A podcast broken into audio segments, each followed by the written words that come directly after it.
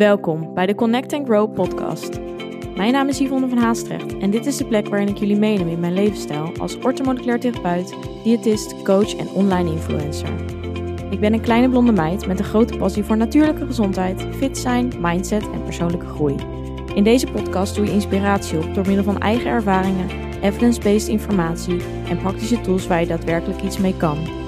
Een platform om samen te connecten en waar vele ervaringen mogelijk herkenbaar zijn. Hierdoor hoop ik jou het gevoel te geven er niet alleen voor te staan. Een veilige community met gedreven en open-minded vrouwen die allen op hun eigen manier willen groeien. Connect, be aware en take control. Ben jij er klaar voor? Welkom bij deze nieuwe aflevering. Superleuk dat je er weer bent. En vandaag gaan we het hebben over de bloedsuiker. Um, misschien iets wat mogelijk niet zo interessant lijkt, maar wat wel super belangrijk is voor onze gezondheid en met name om ons goed te voelen. Als onze ja, bloedsuiker eigenlijk goed gecontroleerd is, in balans is, dan uh, ervaren wij ook een fijn gevoel, hebben we minder dipjes en is er meer energie. En dat is natuurlijk uh, nou, wat we willen bereiken. Um, zeker interessant omdat dus onderliggend ja, jouw klachten dus ook mogelijk veroorzaakt kunnen worden door het feit dat jouw bloedsuiker dus niet goed in balans is. En um, nou, dat brengt een aantal klachten met zich mee. Die ga ik vandaag delen. En daarnaast ga ik natuurlijk wat tips delen om dit onder controle te krijgen. Nou, als allereerst is het heel belangrijk dat de bloedsuiker uh, verandert wanneer je dus voeding inneemt. Dus uh, jouw bloedsuiker stijgt, met name als je, uh, als je een maaltijd eet, is logisch dat je bloedsuiker stijgt. En um, nou ja, insuline is daar ook voor om weer te zorgen dat dat weer in balans komt. Dus insuline is een hormoon dat eigenlijk wordt afgegeven wanneer er voeding binnenkomt. En dat zorgt ervoor eigenlijk dat de energie de glucose uit de voeding naar de cellen wordt gebracht om daar te worden gebruikt voor energie. En als jouw bloedglucose uh, hoog blijft, dat wil zeggen dat de glucose in jouw lichaam, dus de energie in het bloed, blijft hangen, dan is ook jouw bloedglucose gestijgd. Nou, dat is heel normaal en dat hoeft niet per se verkeerd te zijn. Alleen als dat te veel schommelt en de hele dag door eigenlijk een soort van pieken en dalen ervaart, ja, dan kun je daar wel degelijk vervelende klachten van ervaren. En zeker ook vermoeidheid, maar ook dus echt die energiedips na de maaltijd. En dat is natuurlijk niet de bedoeling. We willen juist dat wanneer we gegeten hebben, daar juist energie uithalen in plaats van dat het energie kost. Nou, nu zijn er natuurlijk ook een heleboel andere redenen waardoor je eigenlijk na de maaltijd je minder energiek voelt. Hierbij moet je bijvoorbeeld denken aan bijvoorbeeld darmklachten die aanwezig kunnen zijn. Dus de spijsvertering die niet optimaal is, waardoor eigenlijk de vertering van voeding heel veel moeite kost. Nou, dat is bijvoorbeeld ook iets waardoor je minder energie kan ervaren. Dus kijk bij jezelf, let echt even bij jezelf op waar die klachten vandaan komt. Um, nou ja, in mijn lijstje aan klachten kan mogelijk meer indiceren um, waar jij last van hebt of waar de klachten of wat jouw oorzaak is. Nou, wat voor klachten eigenlijk ontstaan er als die bloedsuiker dus te veel heen en weer schommelt? Uh, je kunt angstgevoelens ervaren. Dus mensen worden eigenlijk veel gevoeliger. Zo moet je het zien. De emmer loopt eigenlijk uh, ja, eerder over. Dat zie je ook wel wanneer eigenlijk die bloedsuiker dus ook daalt. Dan zie je natuurlijk mensen die bijvoorbeeld een beetje geïrriteerd worden. Te lang zeg maar niks gegeten hebben. Dan, ja, dan daalt die bloedsuiker dus. Uh, mensen worden wat geïrriteerd emmertje loopt snel over. Uh, mensen kunnen wat trillerig worden. Mensen kunnen flauw vallen. En dat zijn eigenlijk de tekenen dat de bloedsuiker juist te laag is. En op zo'n moment is het dus heel belangrijk om te gaan eten, wat te eten. Daarnaast bijvoorbeeld vooral watten in het hoofd. Ze noemen dat ook wel brain fog.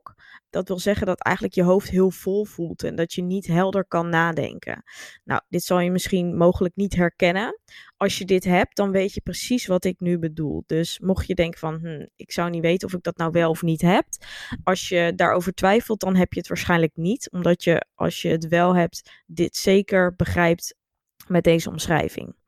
Nou, daarnaast kun je slechte slaapkwaliteit ervaren, dus moeilijk in slaap komen, maar daarnaast ook moeilijk doorslapen. Nou, dat leidt er natuurlijk toe dat je ook weer vermoeid wakker kan worden en gedurende de dag natuurlijk weer laag energieniveau hebt. Daarnaast een hele interessante, wat voor veel mensen natuurlijk belangrijk is, is dat je op gewicht wil blijven. En wanneer jouw bloedsuiker te veel schommelt, kan het zo zijn dat je onbedoeld aankomt. Dus gewichtstoename.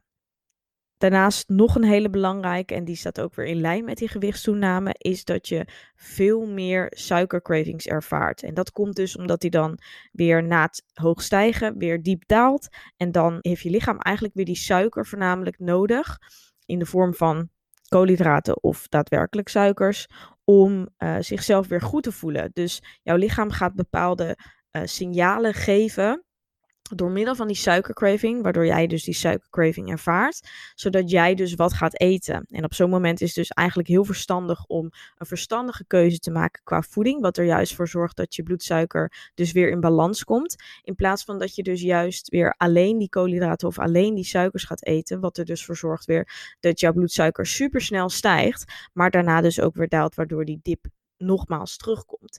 En dat is een beetje de visuele cirkel waar veel mensen in zitten. Doordat ze al een ongestabiliseerde bloedsuiker hebben, um, heb je dat je dus die suikercravings ervaart. Daardoor is de kans op het grijpen naar, nou ja, mogelijk wat ongezondere producten of snelle suikers is groter. Doe je dat, dan zorg je juist dat je eigenlijk die kring dat je eigenlijk in die cirkel blijft zitten en die kring niet doorbreekt. En dat is dus wat we willen doen. Dus op zo'n moment dat jij merkt dat je, ja, je bloedsuiker heel erg schommelt, jij dus ook uh, moedswings kan ervaren, zorg er dan in ieder geval voor dat jij bij de maaltijden ervoor zorgt dat je um, een gebalanceerde maaltijd kiest. Dus een maaltijd die koolhydraten, vetten en of eiwitten bevatten. Dus eigenlijk voornamelijk zorg ervoor dat je koolhydraten combineert. Dus zorg er altijd voor dat je een maaltijd combineert met eiwitten en of vetten dat je die koolhydraten niet alleen eet. Omdat dat er dus voor zorgt dat die bloedsuikerspiegel stijgt snel. En eiwitten en vetten zorgen ervoor dat die opname vertraagt. Je hebt me dit vast mogelijk ook al wel eens eerder kort horen zeggen. Maar dat is dus super belangrijk. Eiwitten en vetten zorgen dus dat die opname langzaam is. Waardoor dus ook die bloedsuiker stabiel kan blijven. Dus dat is tip 1.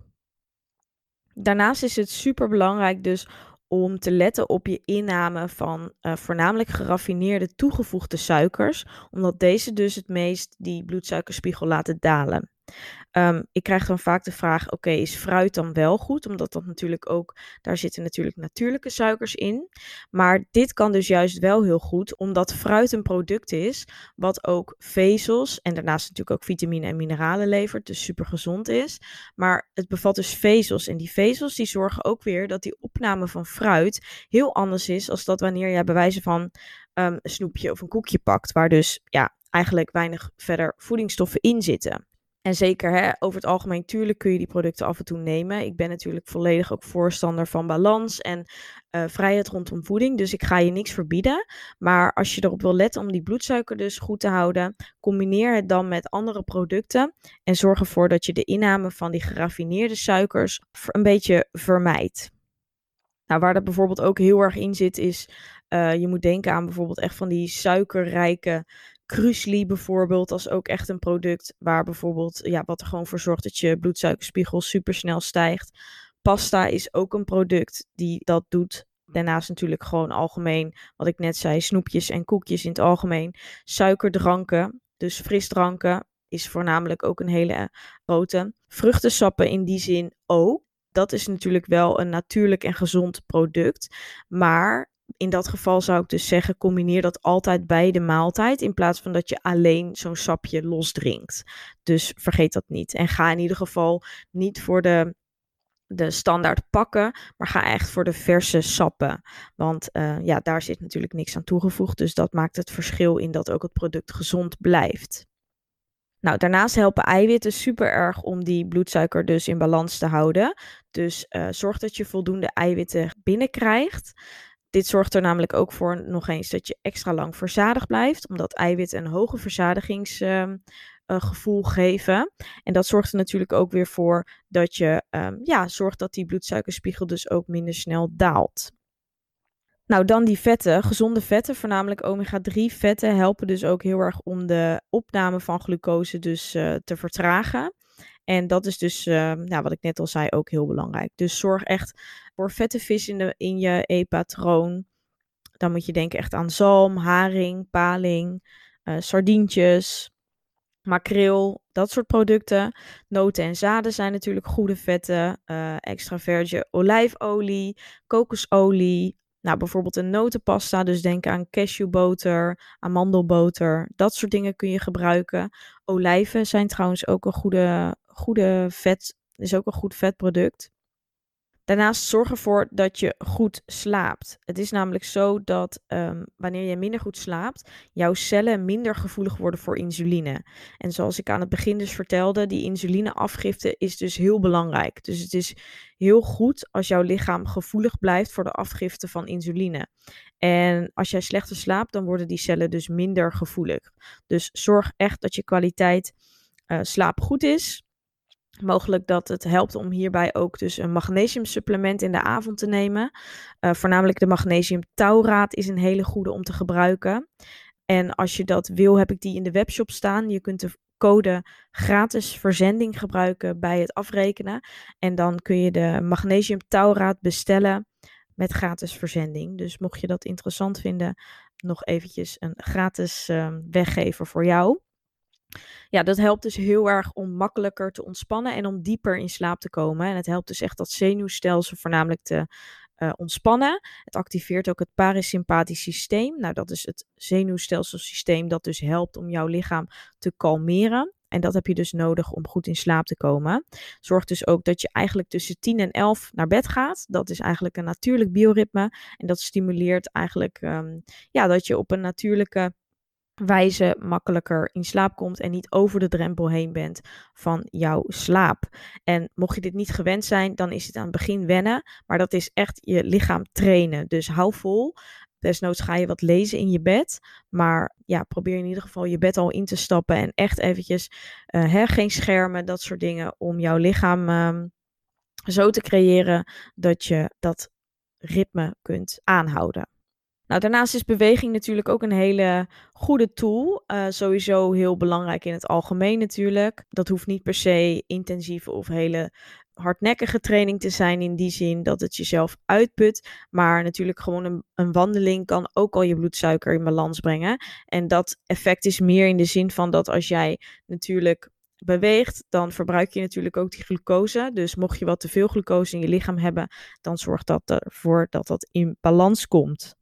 Het helpt dus echt om die bloedsuikerspiegel te reguleren. Nou, daarnaast is het heel belangrijk dat je bijvoorbeeld koffie uh, heeft ook invloed op je bloedsuikerspiegel. En tip is eigenlijk omdat, nou ja, ik zou zeggen tot max twee uur in de middag eigenlijk drinkt. Ik weet dat heel veel mensen het juist rond vier uur gebruiken.